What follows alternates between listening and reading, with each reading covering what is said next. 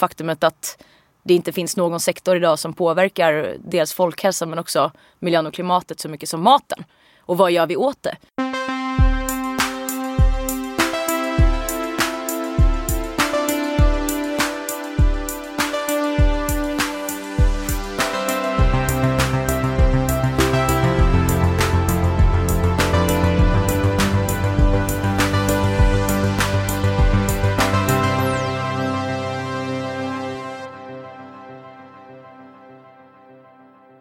Det här är Heja Framtiden, podden om framtiden. Jag heter Christian von Essen och eh, sitter på GT30 Helio i Stockholm eh, tillsammans med Victoria Voss. Välkommen till podden.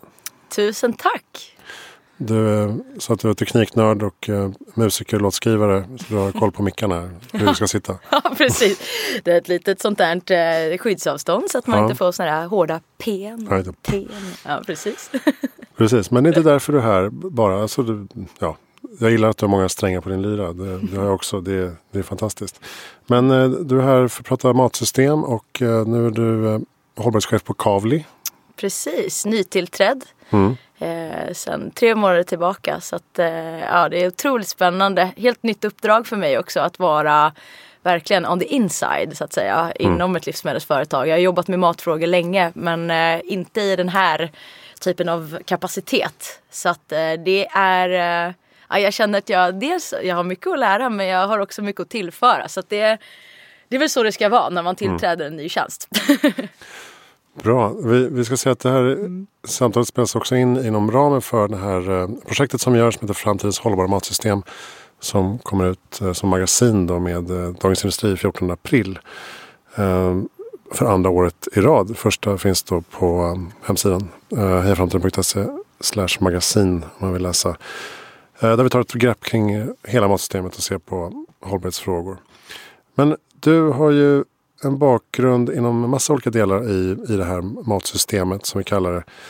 Eh, doktorand inom kost och hälsa vid Stockholm Resilience Center bland annat. Yes. Vad eh, tittade du på där? Du var miljövetare från början. var? Ja men precis, alltså en liten kort recap då. Jag är, jag är biolog i grunden. Okej. Ehm, så att jag eh, pluggade i England faktiskt. Eh, både eh, kandidat och master. Så att jag vidareutbildade mig då eh, till miljövetare. Läste en magister inom det. Eh, miljövetenskap, miljöekonomi. Eh, och eh, det är egentligen därefter som jag började glida in på, på matfrågan specifikt. Eh, egentligen via min gamla mentor Johan Rockström som jag eh, jobbade tillsammans med som, ja, vad var jag, kanske 21 år då mellan mina studier. Jag var uppe i Stockholm eh, och tog ett, ett arbetsår mellan min kandidat och master och jobbade inom eh, Planetary Boundaries teamet där med deras forskning. Och kände att oj, här finns det så otroligt mycket spännande att göra på makronivå. Men det var ju fortfarande jordsystemsforskning så att säga. Eh, Inte med någon särskild matinriktning.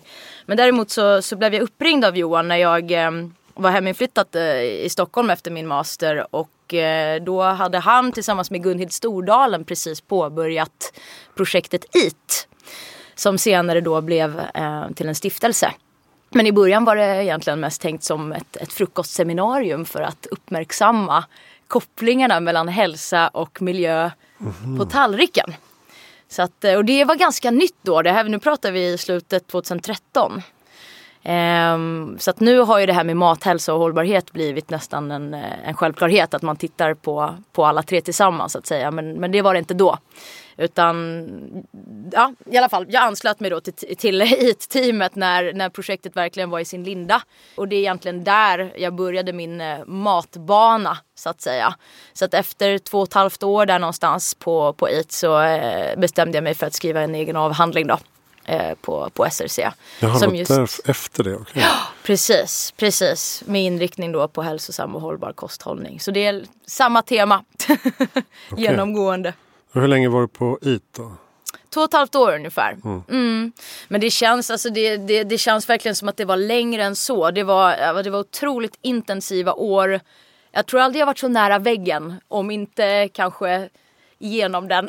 Oj, ja. jag vill inte känna för mycket på det, jag vill inte veta. Men, men liksom det var samtidigt så otroligt lärorikt. Ehm, för hela mitt uppdrag var egentligen då i egenskap av forskningskoordinator att, eh, att bygga upp dels vårt nätverk. Ett, ett internationellt nätverk av experter inom allt då som ska täckas in i hälsa och hållbarhet, mat. Så att agronomer, klimatforskare, eh, nutritionister och liksom, nu pratar vi bara inom akademia.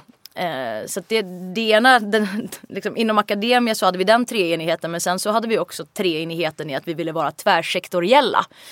Eh, och bygga ett nätverk som då inte bara bestod av forskningsinstitutioner utan även politiska eh, organ både inom Sverige men också internationellt. Inte minst inom FN. Och sen såklart näringslivet. Så att vi fick också det vi kallade då the double triple helix. För att faktiskt skapa en, eh, en plattform för förändring. Till en början för dialog då, för att prata om de här eh, frågorna och faktumet att det inte finns någon sektor idag som påverkar dels folkhälsan men också miljön och klimatet så mycket som maten. Och vad gör vi åt det? Mm. Så det var ganska unikt faktiskt att, eh, att vi skapade den plattformen och hela tanken var ju att vi skulle agera som en, en inkubator för nya innovativa samarbeten. Och så gjorde den här eh, Eat Lancet-rapporten också? Ja, precis. Exakt, den, den gav vi ut. Det var ett ganska, ganska omfattande arbete som du kan tänka dig. Vi var ett, eh, nästan 40, 40 tror jag, eh, medförfattare. Också inom en bred rad Eh, discipliner eh, från många olika institut världen över. Så superspännande på det sättet att ha kört det samarbetet. Och det tog väl oss kanske ja, nästan tre års tid att komma i, i mål. Men, eh, och, och jag tror inte någon av oss riktigt kunde eh, förvänta oss den enorma respons vi, vi fick. Och det visar ju återigen på hur viktigt och dels hur viktiga de här frågorna är men också vilken törst det finns efter implementerbara forskningsresultat, mm. forskningslösningar. Och det, det, som var så unikt med, med den rapporten var ju dels att vi för första gången kunde definiera hållbara gränser för eh, livsmedelssystemet. Så att återigen, jag var inne på det här med planetary boundaries. Det är en forskning som har pågått i 10 år drygt, snart 12 års tid nu. Där man definierat hållbara gränser för, för mänskligheten. Men här har vi då lyckats koka ner det just för matsektorn. Och det är så viktigt nu när man nu när jag agerar på företagssidan inser man ju det att shit, vi behöver ju riktlinjer. Vi behöver vad ska jag säga, eh, praktisk forskning. och det, det, är det som jag tror faktiskt var den stora eh, genomslagskraften inom Eat Lancet. Men att vi också faktiskt tog fram en konkret tallriksmodell med näringsrekommendationer som både tar hänsyn till, till hälsa då, eh, till kostrelaterad hälsa men också till miljö och klimat. Mm. Man kan tycka ibland att, att man blir förvånad över att inte den kopplingen är tydligare. Alltså mm. dels eh, eh, inom livsmedelsbranschen men också um, skolkök, restauranger, offentlig upphandling och så vidare. Absolut. Jag tror att alltså, det vi ser nu är ett, ett uh, skifte, ett mindset-skifte. Säg så här, det finns inom just miljövetenskapen ett begrepp som, uh, som lyder super wicked problems på, på engelska. Och det, det är ett begrepp som innebär att vi ja, men egentligen beskriver vår samtid eh, att vi befinner oss i en allt mer komplex och globaliserad värld där vi ser att globala risker och utmaningar är allt mer eh, sammankopplade. Så att om du tittar på eh, World Economic Forums riskrapport så blir det ganska tydligt och ett sånt perfekt konkret exempel det är ju coronapandemin exempelvis där vi ser tydliga kopplingar med just eh, miljöförstöring och eh, sättet vi producerar mat på idag. Att det ger upphov till, eh, till den här typen av, av zoonoser då, som det heter. Virus som muterar från, från tamdjur inte minst men också vilda djur till, eh, till människa. Vi har levt i en, en enklare värld förut och, och nu rör vi oss allt mer tror jag mot en förståelse att vi måste ha en helikopterbild när vi behandlar frågor som, som inte, rör, inte minst rör hållbarhet. Mm. Och då hållbarhet på alla sätt så att säga. Hållbarhet på alla sätt. Och jag menar sen i rent kommunikativt syfte om man nu ska vara lite strategisk sådär så är det ju också så att eh, eh, tidigare har ju hälsa varit otroligt viktigt för konsumenter och mm, det har varit en, en viktig parameter i när man gjort sina livsmedelsval. Man står i butikshyllan. Om man kan sälja in en, en tallriksmodell eller ett, ja, ett förslag på så här kan du äta så att säga. Som är bra både för planeten och för en själv. Då eh, är ju det otroligt kraftfullt såklart. Nu samtidigt så är det ju spännande när man tittar på konsumentundersökningar så är det miljömässig hållbarhet faktiskt som är eh, ännu viktigare i konsumenternas eh, eh ögon mm. än, än hälsa. Båda tävlar lite grann där i toppen. Så att det, ja, det är spännande. Och du föreläser också om de här frågorna. Är det den här typen av resonemang du för då? Ja, absolut. Det skulle jag säga att det är mitt, mitt huvud jag ska säga, medskick. Att eh, vi behöver bemöta komplexiteten. Eh, och det, det, är inte omöjligt. Eh, men vi behöver göra det för att stirrar vi oss blinda på till exempel bara vår klimatpåverkan då kanske vi missar andra viktiga aspekter i vår, i vår strategi. Inte minst som livsmedelsföretag då. Förpackningar är ett sånt praktexempel. Eh, väldigt komplicerat att ta fram bra förpackningar för de ska, de ska innehålla mindre material helst. Men inte så lite så att det inte skyddar livsmedlet i sig för då får du matsvinn som nästa problem. Och det är en ännu större miljö och klimatbov än självaste förpackningsmaterialet. Eh, du ska ha en god tömbarhet. Smaken ska inte påverkas. Eh, det ska se till, den ska se till att livsmedlet är säkert eh, och inte kontamineras. Så att det, det, det är många parametrar som ska vägas in. Mm. Um, det, det, är komplicerat men samtidigt uh, spännande tycker jag. Och uh, glädjande nog så är ju ofta när man just ser till kopplingen mellan miljö och hälsa så uh, ser vi att de ofta går hand i hand när det kommer till kostrekommendationer. Mm. Att vi behöver äta grönare helt enkelt. Du, var, du skrev ju en kokbok också, Eat Good, recept som förändrar världen. Ja. Tillsammans med eh, Malin Landqvist med kock och Johan Rockström som stod för den vetenskapliga touchen på det. Ja men precis. Han, han och jag samspelade där med, med den faktabaserade biten då. Ehm, och vi har faktiskt gjort en uppföljning Malin och jag eh, förra året. Okay. Som heter Göra gott, kokbok för unga miljöhjältar. Ah. Så att här var vår tanke och ja, vi kände verkligen att, ja men särskilt 2019 att det, det var verkligen liksom youth uprisal och alla globala klimatprotester att den, den, de yngre generationerna verkligen liksom revolterar nu och, och, och känner att man är så trött på att eh, ja, men den politiska handlingen är så, eh, så seg och långsam och ja, ambitionsnivån är inte där den ska vara.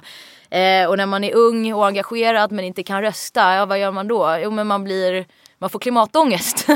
och man demonstrerar. Men här kände vi att vi kan komma med konkreta verktyg. Återigen det vi var inne lite på innan vi började podda här och prata ehm, eh, inledningsvis. Att eh, mat är ju så otroligt spännande därför att det är någonting som vi alla gör. Vi äter alla tre gånger om dagen.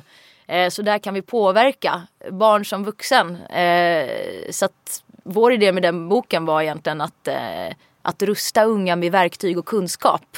Och visa också att det gör jättestor skillnad hur eh, du väljer att äta. Så att där gör du enormt mycket miljö och klimatnytta bara genom att, att påverka dina egna matval och kanske till och med eh, hela familjen, pappa och mamma liksom. Har ni valt en helt grön väg där eller är det flexitariskt? Att säga? Ja, ja, tack för frågan. Det är, äh, men, nej, faktiskt, det, det, är en så viktig poäng och det här stångas man ju med eh, dagligen ska jag säga. Men vi har valt en flexitarisk eh, väg och det finns flera anledningar till det. Eh, dels om man ska återkoppla till Eat Lancet så, så visar ju vår forskning på att vi har utrymme för lite rött kött, fågel och fisk på tallriken och även lite mejeriprodukter. Allt handlar om mängd och vad för typ av animaliska produkter, eh, ursprung, produktionsmetoder och så vidare. Eh, så att mindre och bättre är lite vår devis eh, å ena sidan då om man ska ta det vetenskapliga argumentet men sen så också ja, men rent strategiskt för vår del kände vi att vi når ju ut till en så otroligt mycket bredare massa om vi eh, tar fram en kokbok som ja, men som tilltalar flera, som, där flera känner att de kan relatera till deras matpreferenser. Så att eh, vi kände att det var dessutom ett bra tillfälle för oss att kunna då prata om bättre köttalternativ, bättre fiskalternativ. Till exempel varför det är bättre att äta småfisk än att äta rov, rovfisk som torsk, eh, tonfisk och lax. Så det, det var ett superbra sätt för oss att kunna studsa på det och lyfta fram recept med, med den typen då av bättre animaliska produkter. Mm. Så lite kombinerade anledningar till att, eh, att vi har blandat men vi har absolut en, en majoritet av våra recept är, är gröna såklart. Mm. Ja, men det är väl så konsumenterna resonerar också som jag har förstått det i nyare undersökningar. Mm. Att det är en slags övergångsperiod eller flexitarisk kost som är det vinnande konceptet. Ja, och jag tror att man behöver Tyvärr, jag, är lite, jag kan allmänt vara lite trött på den här, äh, det här resonemanget med att vi måste se till inkrementell förändring. Alltså att vi måste ta saker och ting stegvis. För att allmänt så har vi faktiskt inte äh, tid. Det är väldigt bråttom att äh, vi har ett väldigt kort tidsfönster att klara våra klimatmål exempelvis. Men, men när det kommer just till maten så tror jag att man måste ändå någonstans tänka något stegvis för att få med sig den breda massan och eh, inspirera folk till att men det, det är inte så himla svårt att flexa. Det är, jag tror många upplever att ja, men någon slags mental barriär av att ja, men hur ska jag, vad ska jag byta ut den här uh, kycklingbiten till. Eh, så att det var ju också syftet med att blanda fakta, tips med konkreta recept som inte innehåller en miljard olika ingredienser utan de är ganska enkla, lättlagade och det ska funka i vardagen. Liksom. Mm. Så um, mm, vi har fått fin respons vilket känns jättekul. Mm, bra. Ja. Och sen kom ni in på Kavli nu då. Mm. Vad eh, landade du i där då? Hur jobbar man med hållbarhet på Kavli? Ja, eh, nej men ska, till en början så eh, vill jag säga att det som är spännande med Kavli är ju eh, företagets ägarform. Så att eh, vi brukar slås med det uttrycket lite sådär om att hållbarhet finns inristat i vårt DNA. Och det är för att vi eh, har en not for profit modell. Vi ägs alltså av en privat stiftelse, Kavlifonden. Eh, som, eh, som vi ägs av och dit vårt överskott går till eh, olika typer av välgörande ändamål. Eh, både i, i, Sverige och i Norge och UK som är de länder vi som koncern är verksamma i så att säga men också bredare ut i världen eh, i olika utsatta regioner eh, framför allt. Så att vi har en ganska, en ganska bred agenda eh, och en, en bred rad projekt som, som fonden stöttar. Så att redan där eh, har vi i grund och botten skulle jag säga en ganska så eh, hållbar eh, modell och en, en hållbar vision som företag. Vi har inget, eh, inget kommersiellt löfte gentemot några aktieägare eller, eller, eller, så. Så att vi har rätt incitament och förutsättningar i grund och botten att bli ett, ett hållbart företag.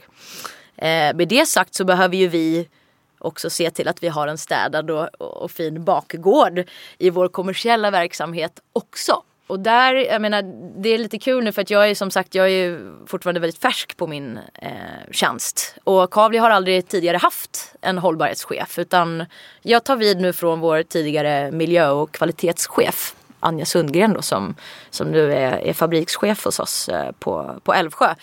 Eh, så det finns ju mycket fortfarande att utforska och göra och, och, och skapa. Men redan fram till nu så tycker jag att man faktiskt har gjort väldigt mycket om man bara ser liksom på Kavlis vad ska jag säga, hållbarhets eh, track record de senaste 4-5 åren. Man har tagit fram ett, ett konkret eh, ramverk som vi kallar för vårt ansvar. Och, eh, ja, vårt, eh, vårt begrepp som vi kör med då är liksom ansvarsfull tillväxt. Att vi vill, vi vill växa eh, som livsmedelsföretag och vara det bättre alternativet för att vi vill göra det på ett ansvarsfullt sätt. Så där har vi ett, ett brett antal mål eh, som rymmer allt ifrån livsmedelskvalitet och produktsäkerhet till att vi ska vara klimatsmarta och resurseffektiva eh, genom hela ledet helt enkelt. Och det inkluderar även vår leverantörssamverkan och de krav vi ställer på, på våra leverantörer. Hela vägen till att vi vill vara en, eh, en attraktiv arbetsplats och en god samhällsaktör. Och, och, det är lite grann eh, en del av anledningen till att jag sitter här idag också. Att jag känner att vi har en eh, vi har en intressant berättelse eh, att, att bjuda på. Vi befinner oss på en hållbarhetsresa. Jag tycker att vi, vi behöver liksom komma ut och höras och synas lite mer. Det har vi inte gjort så mycket tidigare utan vi har varit mm. ganska blygsamma och vi har inte pratat om vår ägarform så mycket tidigare utan det är väldigt nytt.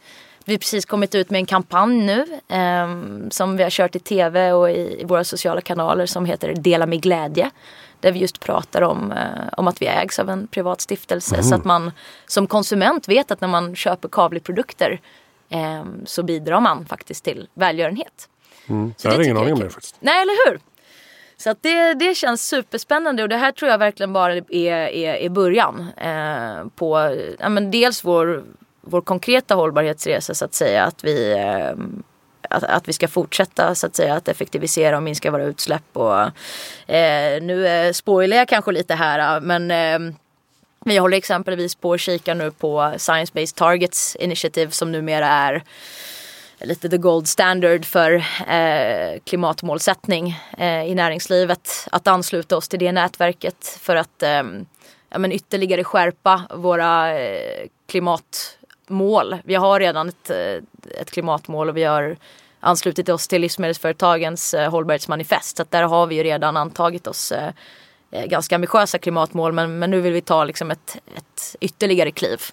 Mm. Eh, så det är ett sånt konkret exempel på, på vad vi, vi har i pipeline så att säga. Så att min, eh, min ambition är verkligen liksom att, att eh, Kavli ska ja, bli ledande kring de här frågorna och eh, föregå med gott exempel.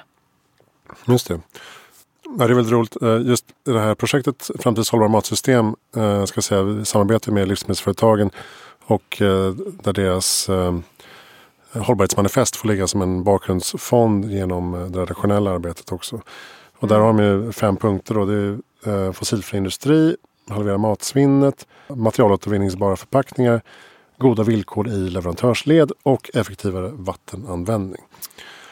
Yes. Och jag tycker när man kikar på de här frågorna och eh, företagen som verkar inom livsmedelssektorn och som jobbar med eh, hållbarhet på olika sätt så tycker jag att jag imponeras av hur ambitiösa målen är ändå. Mm. De är väldigt ambitiösa. Ehm, som man, det... inte, man inte vet kanske som konsument så noga. Nej, nej men precis. Det är det, det som du säger när det kommer till sådana branschöverskridande åtaganden så tror jag inte man kanske har världens bästa koll som konsument. Däremot så tycker jag att företag eh, inom livsmedelsbranschen framförallt som har en ganska hög trovärdighet när det kommer till de här frågorna hos konsument. Ehm, så eh, har man blivit duktigare på att prata om det i reklamkampanjer och på produktförpackningar inte minst. Att man använder det också som eh, en kommunikativ plattform. Men ehm, ja, absolut. Jag tror att det finns faktiskt eh, många möjligheter att kommunicera den här typen av, av åtaganden och återigen den här resan. Liksom. För det, jag ser det verkligen som en resa. Ehm, det, det, är lätt som företag att man, man blir lite det svarta fåret här och att det är vi som är orsaken till utsläppen och så vidare. Men eh, det är människor som står bakom. Många vill göra rätt. Mm. Det är bara så att vi ibland också har en, en, ekonomisk verklighet att förhålla oss till och kniviga frågor. Exempelvis hur pass mycket vissa åtgärder kan påverka priset eh, ut till, till, eh, kund och sen vidare till konsument för våra produkter. För att eh, man kan göra världens mest hållbara produkt men eh, det måste finnas en marknad för den också. Mm. Annars så finns det ingen, ingen vits. Så att det, det, det, det, är liksom, det är utmaningen. Men, men bara för att återkomma till det här med kommunikation. Så eh, tror jag att digitaliseringen nu kommer att möjliggöra erbjuda helt nya möjligheter. Till exempel att man läser in en produkts streckkod via mobilen och att man får fakta och information. Det är någonting som kommer att komma. Mm. Och att vi som företag med våra förpackningsleverantörer kanske eh, jobbar i den typen av anda och eh, tänker mer innovativt. Eh, för att berätta om vad vi gör eh, på hållbarhetsområdet för mm. våra konsumenter. För återigen, det är en allt viktigare fråga eh, som jag tror många känner sig angelägna om att veta mer om. Ja, verkligen. Jag tycker ett, ett liksom, nyc nyckelbegrepp som återkommer är förstås samverkan. Mm. Eh, dels eh, som du, som du var inne på, näringsliv, eh, akademi och forskning och mm. till viss del politik då också. Mm.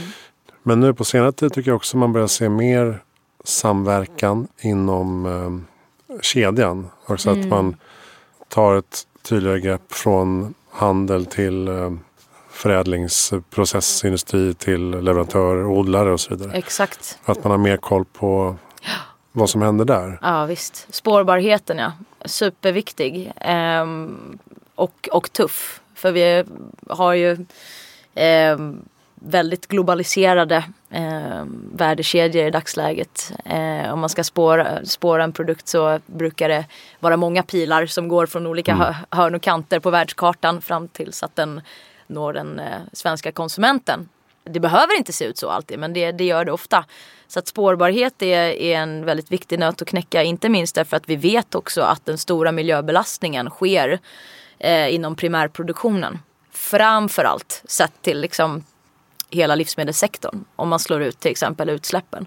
Så eh, sättet vi föder upp djuren och vi odlar våra eh, grödor är otroligt viktigt. Och det ser vi också inom klimatforskningen att eh, livsmedelssektorn och alltså matproduktionen eh, mer exakt kommer att ha en avgörande roll att spela för att vi ska klara eh, en och en halv graders målet. Mm. För att eh, bortom 2050 eh, där vi ska ha nått netto noll utsläpp så behöver vi ju eh, komma ner i negativa utsläpp. Och där eh, behöver vi alltså använda åkermark för att binda koldioxid. Så att eh, framtidens bonde kommer inte bara att vara livsmedelsproducent tror jag utan även kolfarmare. Mm, det. Ehm, och det, det är otroligt spännande eh, att vara med i den utvecklingen för det som sker på åkern kopplar ihop så otroligt mycket också. Vi pratar allt mer om jordhälsa, det regenerativa jordbruket och hur det spelar roll för att dels att vi ska få i oss näringsriktig mat. För en hälsosam jord är en hälsosam människa. Och det är en häftig koppling tycker jag. Att, att man börjar prata om den biten. Men också eh, naturligtvis den biologiska mångfalden. Ehm, och i år så sker ju ett väldigt stort eh, koppmöte kring biologisk mångfald i Kina. Så att eh, det är också ett eh, hållbarhetsområde som eh, tror jag kommer ha allt större betydelse för företag att uppmärksamma och jobba med i framtiden också. Även om det är svårare att mäta ens påverkan mm. på den biologiska mångfalden eh, versus att eh, klimatberäkna sina utsläpp exempelvis. Ja just det, det är lite knepigare nöt att knäcka. Mm. Precis. Hur, hur, många insekter har du på, ja, på gården? Ja men exakt. det, hur, många, hur, precis, hur många arter utrotades av att du är eh, använder mjukost på ditt eh, smörgåspålägg. Ja, mm. lite, lite svårt.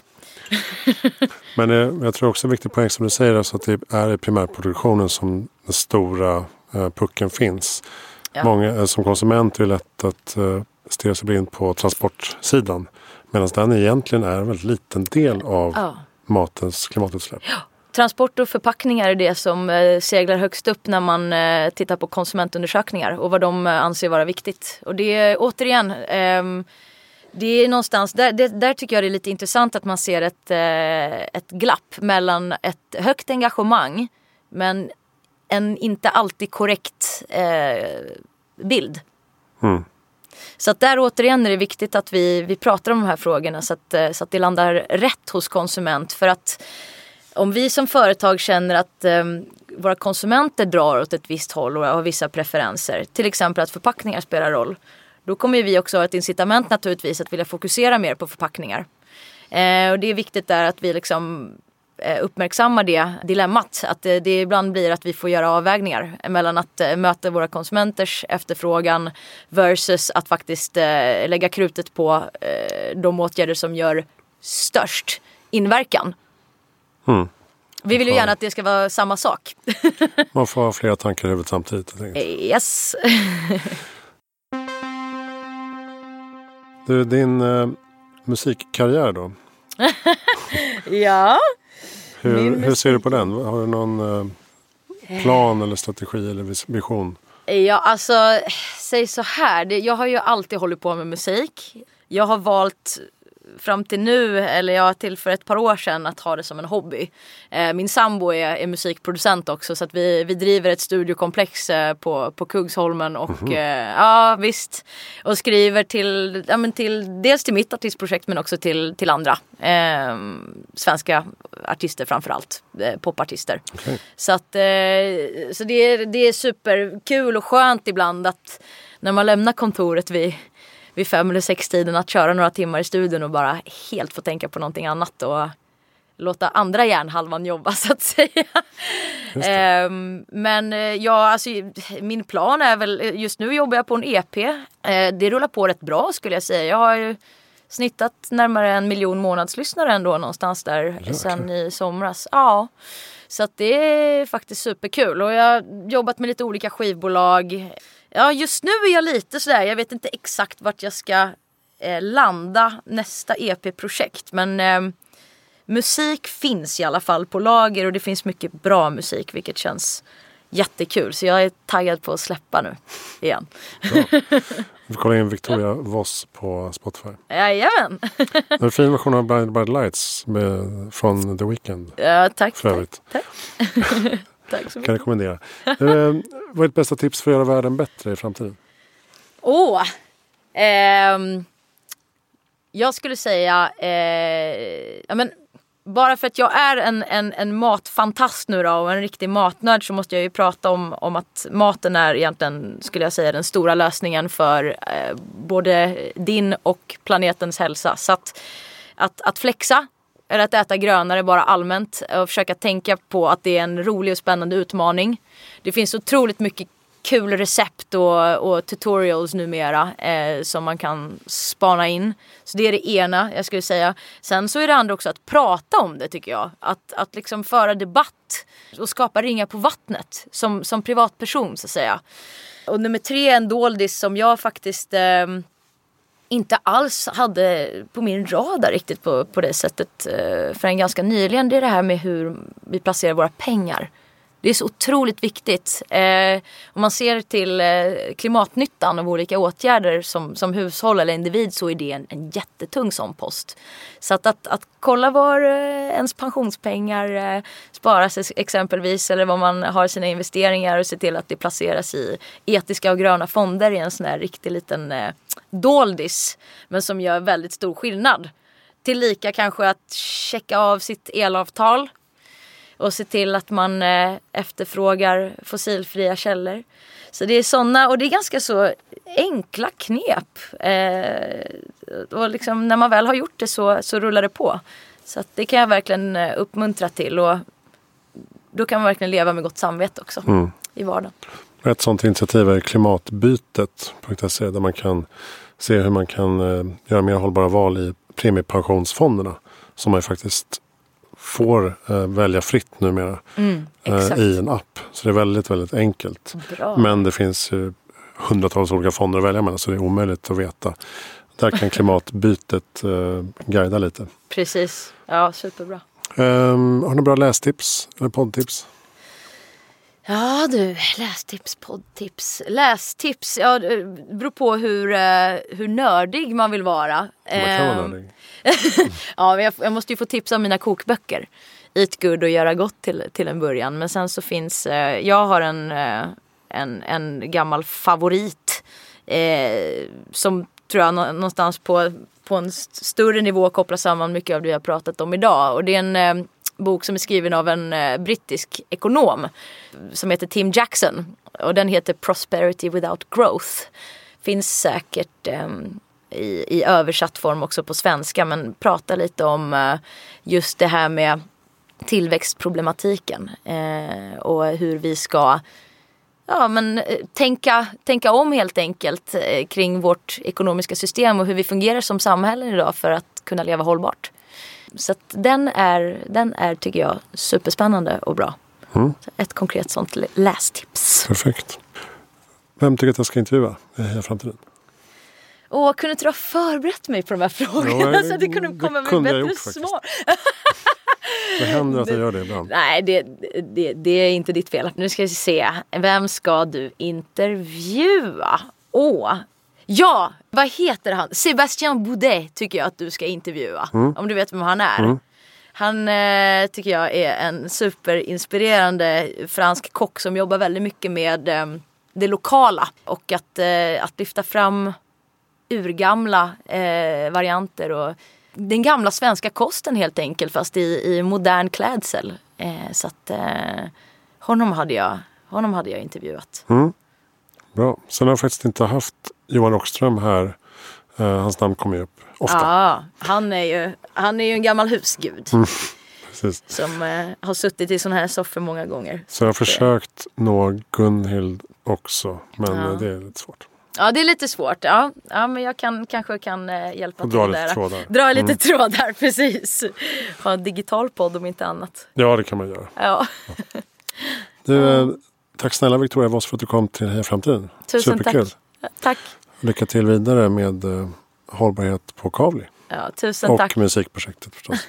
och kokböckerna. Tack för att jag fick komma, det var jättetrevligt.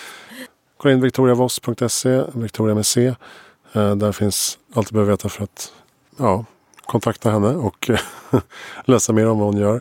Eh, Jag finns på hejaframtiden.se och kristoffernessen.com om allt vad jag gör och med det här projektet. Ehm, Framtids hållbara matsystem kommer ut med Dagens Industri 14 april. Håller även på att bygga upp eh, sajten framtidenshållbara.se eh, där vi postar eh, artiklar därifrån. Ja, det var väl allt vi hade för idag. Tack snälla för att du lyssnade på Heja Framtiden. Vi hörs nästa vecka igen.